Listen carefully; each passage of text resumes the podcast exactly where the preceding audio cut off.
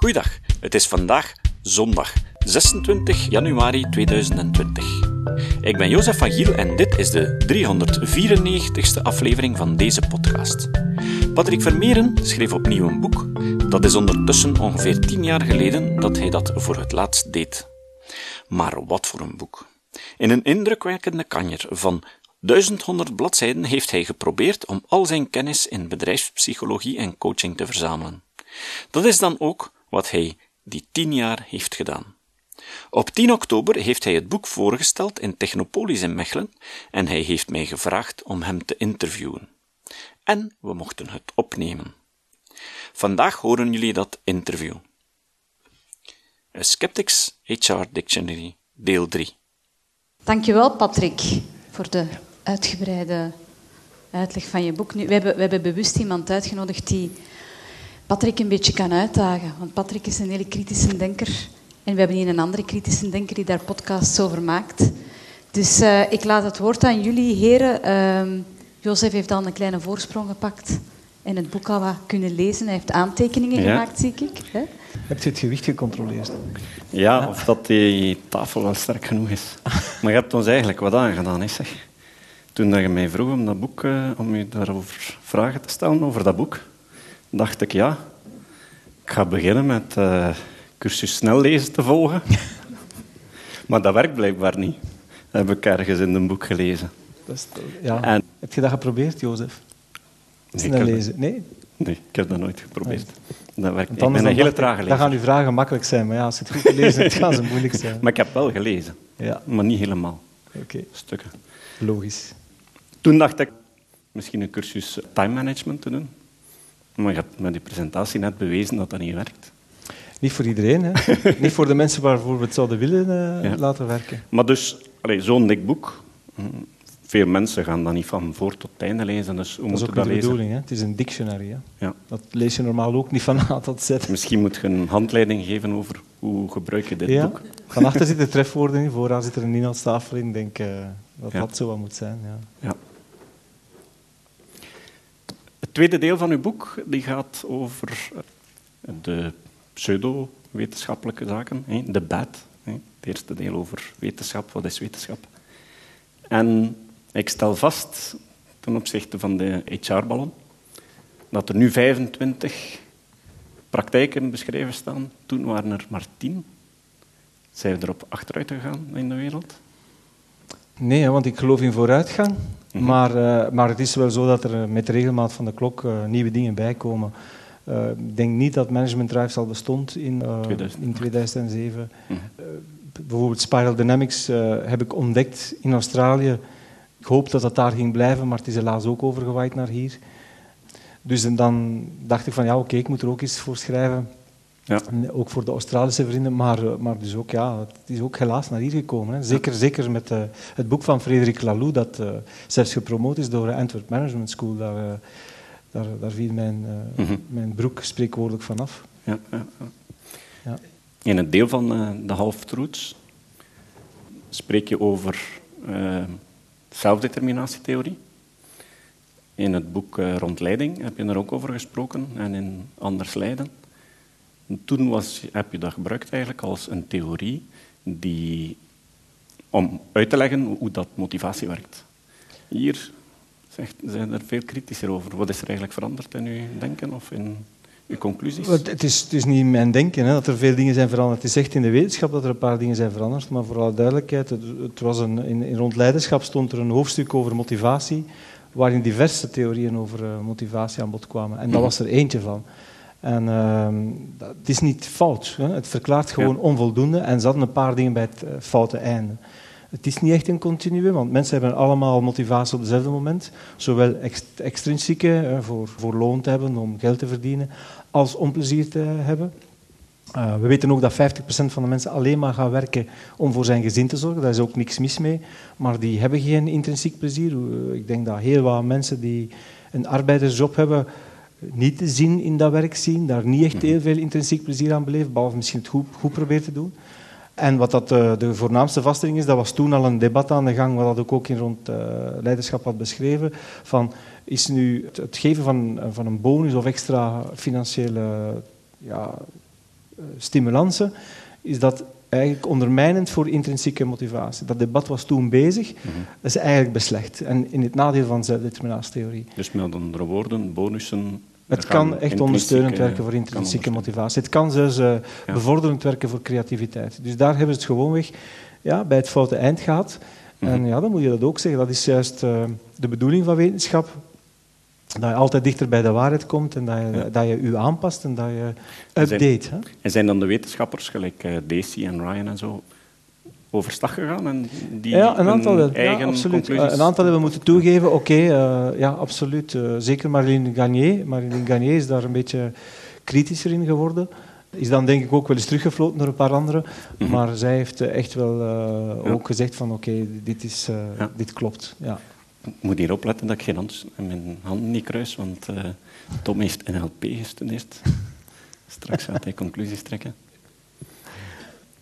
Een theorie die nu enorm ingang brengt is eh, nudging.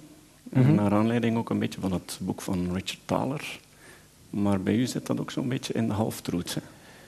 Ja, het staat niet in het boek. Hè. Het staat wel op de website van SCEP. over, ja, het eh, staat wel in, eh, op de website van SCEP, een Nederlandse evaluatie daar, een Nederlandstalige evaluatie. Mhm.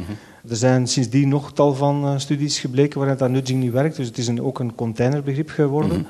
Eh, oorspronkelijk was het van, je geeft mensen kleine duwtjes, zonder dat je daar eh, geld tegenover zet of dergelijke meer, of straffen tegenover zet. Men heeft zelfs nu geldelijke stimulansen alles er allemaal bijgepakt. Ja, dat je op duur zegt van, noem het psychologie dan, hè, eh, ik bedoel, in plaats van nudging. Dus je kan zeggen van zowel empirische, wat dat de bewijsvoering erover is, ben ik daar zeer kritisch tegenover. Toch toen dat ik het, de samenvatting schreef. Maar ik ben nog meer gecharmeerd door ehm, wat een aantal mensen daar hebben over eh, geschreven, over het eh, onethische aspect ervan. Want wie Ja. bepaalt dat iemand u mag nudgen en in welke richting? Ja. Eh, waar zit die hogere moraliteit om te bepalen hoe wij moeten leven? En, of wat dat Als je gewoon meer vuilbakken zet, omdat er minder afval zou gegooid worden, dat is misschien Dat is nudging, zo gezegd. Ja. Dat is Ja. nudging. dat Maar ik is zeg bijna alles wat we doen, dat vliegje in het toilet, is Ja. allemaal nudging. eh. maar, maar ook iemand een extra bonus geven is nudging. Men gaat op de duur alles als nudging zien. Mhm. Ja, het is niet iemand die man een Nobelprijs eh, gekregen heeft, dat je niet mag kritisch zijn eh, tegenover Ja. dat werk. Hè. Ja. Gert Grenzer is daar de grootste Ik heb nog vijf minuten gekregen van Sofie, dus ik kan nog één vraagje stellen. We hebben het daar straks, en Tom sprak ook al over eh, evolutietheorie. En dan vooral evolutiepsychologie wordt toch dikwijls naar voren gebracht als een theorie die eigenlijk niets verklaart, maar mooie verhalen vertelt. Ja. Pas u eens de demarcatietheorie toe om mij te overtuigen dat het zo niet is? Wel, ik, ik wil u daar niet van overtuigen, want het is helaas zo dat een deel van de mensen die zichzelf evolutionair psycholoog noemen, echt dat doen. Mhm. Just so stellen. Die, die, die zeggen, oké, als we kijken naar het verleden, kunnen we dat gedragsstelsel verklaren. Maar ze gaan niet verder om, om te kijken van, en hoe zouden we dat nu kunnen nu zien vandaag, en hoe kunnen we daar bewijzen voor creëren. Terwijl de echte evolutionaire psychologen, die ik ook in het boek naar voren breng, want het is voor mij echt eh, de basis de, de, Ja. eh, van, van al de rest, die, die mensen die zetten eh, heel zorgvuldig onderzoeken op. Die gaan het echt gaan testen. Dus, ik heb er Ja. tal van voorbeelden ingeschreven. Ik heb ook twee papers samengevat. Die zeggen van kijk, als je echt goed aan evolutionaire psychologieonderzoek wil doen, dan moet je deze criteria eh, volgen. En zeker ervan is nadenken hoe kan ik goede hypotheses gaan Mhm. maken om mijn idee dat ik heb te gaan onderzoeken. En kan ik dat in een verleden terugzetten, maar ook hoe, welke fenomenen ga ik dat vandaag nog zien.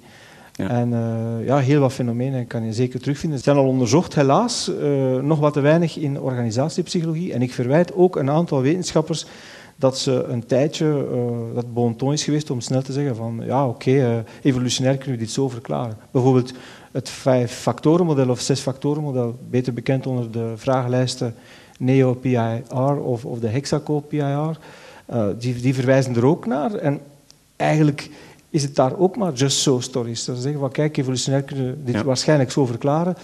Maar ze moeten nog komen met gedegen hypotheses. Dus, ehm, Ja. En vandaar krijgt eh, evolutionaire psychologie onterecht een slechte naam, omdat er te veel mensen gewoon maar verhalen vertellen. Mhm. En zonder achteraf nog te Ja. toetsen. Absoluut. Oké. Heb ik nog één vraagje? Eh, Toch nog we één. spraken over het five-factor model of het six-factor model, Hexaco. En dus in uw vorige boeken sprak je nog op- over Big Five. Ondertussen is het de Hexaco geworden.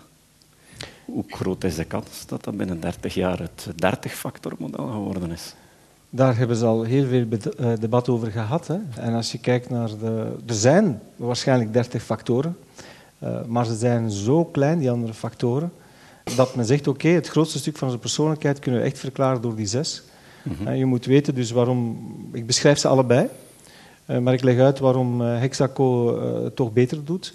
In het boek zijn, het is het, het, op tal van vlakken beter, en ik ga, er, ik ga ze niet allemaal noemen, maar bijvoorbeeld eentje, en dat is wel heel belangrijk om te weten. De oorspronkelijke naam Big Five is door Louis Goldberg in het leven geroepen. Ik heb die man ook gecontacteerd, leeft nog, heeft ook geantwoord. Ik vraag hem van waar kom je met die Big Five? Ik dacht, heeft dat iets met Afrikaanse dieren te maken of zo? Blijkbaar helemaal niks. Dat had te maken met de landen na de Tweede Wereldoorlog. Maar die, die man is eigenlijk een van de eerste die, die datas, een dataset had ingezameld, een Engelse dataset, en daar een analyse had op gedaan. En hij heeft, toen er krachtigere computers waren, aan Kibium Lee en uh, Michael Ashton de toestemming gegeven om die oorspronkelijke dataset terug te gaan analyseren. En dus de, door de krachtigere computers kon men veel meer data tegelijkertijd mm verwerken. En was de zesde factor duidelijker zichtbaar dan, dan voorheen.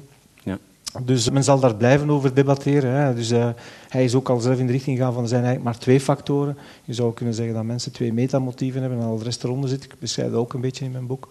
Maar als je gewoon naar de data kijkt, en dat is wat je moet doen, je moet naar de data kijken. En soms is dat niet prettig om te horen. Het is, het is voor ons ook niet prettig geweest om, om Belbin te verlaten, terwijl we daar ook een paar jaar in geïnvesteerd hadden. Maar als je merkt, ja, het klopt niet, dan moet je dat verlaten. En dat is ook iets waar ik trots op ben, dat we, dat, we dat ook kunnen, dat verlaten. En mhm. dat we dan tegen onze klanten zeggen, oké, kijk, dat klopt niet. Uh, we, doen dat dus niet meer. Dus uh, daar zijn we, proberen we heel consequent in te zijn. En ik ben blij dat ik daar... Medestanders hebben gevonden in een onderneming die economisch moet leven, uiteraard. Hè. Oké, dank u wel. En ik wens u veel succes met het, met het verkoop van het boek. Okay, ik hoop dat er uh, meer mensen evidence-based gaan werken. Ja. Dank u wel. Dank u wel, Sophie. Nu, Patrick, je gaat niet zonder handen naar een baby borrelen. dus ik heb zitten denken, wat ga ik meedoen? Het had een mooie orchidee kunnen zijn, maar orchidee dat vraagt heel veel onderhoud en is niet altijd even stabiel en stevig. Bij mij, als ik orchideeën zet, meestal zijn die nou, zes weken is dat gedaan ik krijg die om de of reden niet meer in leven. Ik heb voor u meegebracht geen orchidee, maar helemaal western style. Een cactus. Maar waarom een cactus? Daar zit wel een verhaal achter. Ik heb even naast u staan. Ik heb ook vlaggetjes, ik geknutseld. Ja. Maar cactus, dat prikt. En deze prikt echt hard. Ja, ik zie het. Jij prikt ook, hè? Je prikt wel eens mensen met je theorieën, hè? of de dingen die je inderdaad wel neerlegt. Maar het is ook prikkelend. Mhm. Je hebt ook al wat HR-ballonnen doorprikt. Ja, ja. juist. Right? Dat heeft niet veel nodig om in leven te houden. Soms is het een beetje water en als je dat een paar weken vergeet, is dat niet erg. Dat is een stevige plant. Ja. Net zoals uw boek. Hè?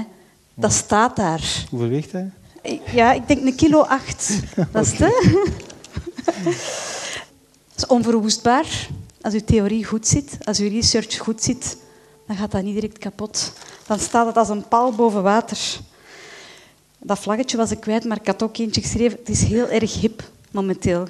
Onder de, de zo de, de, de, gasten die in de hippe koffiebar zitten, je moet eens kijken, ook overal van die cactussen. Okay. En ik, hè, zoals dat, daar straks, ik denk, was jij het of was het, eh, was het Tom? Die zei van, ja, inderdaad, zo dat, dat evidence-based was bij jou stuk, dat, dat is heel erg hip. Alhoewel dat mensen niet altijd helemaal weten van, maar wat houdt het dan in? Maar het is wel hip. Cactussen zijn ook heel hip, momenteel, heb ik geleerd. Voilà, die hebben een hele lange houdbaarheidsdatum. Dus en dan ga jouw boek ook hebben. vier knipogen, eigenlijk. Ja, eigenlijk wel. Maar keer. Ja, Serendipity. Right. Huh? Voilà, alsjeblieft. Dank je wel. Dank je wel. Ik denk dat het zwaarder weegt. Zwaarder. Heel leuk. Um, we gaan zo dadelijk, binnen een paar minuten, uh, nodigen we jullie uit uh, voor de borrel. Alhoewel dat Patrick niet houdt van netwerken, gaan we dat toch doen. Sorry, Patrick. Maar ik ga nog wel een paar boeken moeten afleveren aan mensen die het boek al op voorhand hadden besteld. Dus ik zou ook willen vragen aan de mensen die het hadden besteld, uh, dat die eerst komen. Ik heb er nog wat extra exemplaren mee. Uh, als er nog mensen zijn die hier nog eentje willen... Ik ga me daar aan dat tafeltje zetten uh, met mijn Peconic en mijn... Ja, ja. oké. Goed, dat gaan we dan zo dadelijk doen. Spijtig voor wie er niet was, maar het was echt een prachtig event.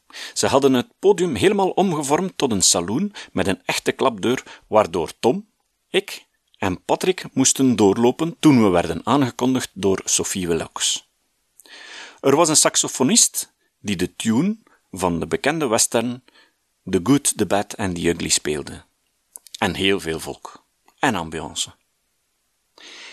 Ik heb ook nog goed nieuws en slecht nieuws. Het eerste goede nieuws. Onze Waalse medeskeptici van het comité Para hebben een rechtszaak gewonnen die was aangespannen door antroposofen. Het tweede goede nieuws is Patrick Vermeeren en Bart van de Ven hebben van de rechter gelijk gekregen in de rechtszaak dat tegen hen was aangespannen door Karel van de Velde Instituut. En dan het slechte nieuws. Karel van de Velde is in beroep gegaan. Het gevolg is opnieuw kosten voor Bart en Patrick. Zoals jullie merken, proberen charlatans voortdurend critici de mond te snoeren door hen voor de rechter te dagen. Bijna altijd verliezen ze, maar het gaat bij hen over het afschrikkingseffect. We kunnen dat niet laten passeren. Daarom opnieuw een oproep aan iedereen om hen te steunen in naam van de vrije meningsuiting van sceptici die durven ingaan tegen charlatans. Op de pagina van deze aflevering vinden jullie een link naar een pagina van Skep waarop jullie kunnen doneren. Het citaat. Het citaat van vandaag komt van Adam Grant. Grant is een zeer invloedrijke bedrijfspsycholoog. Grant zei: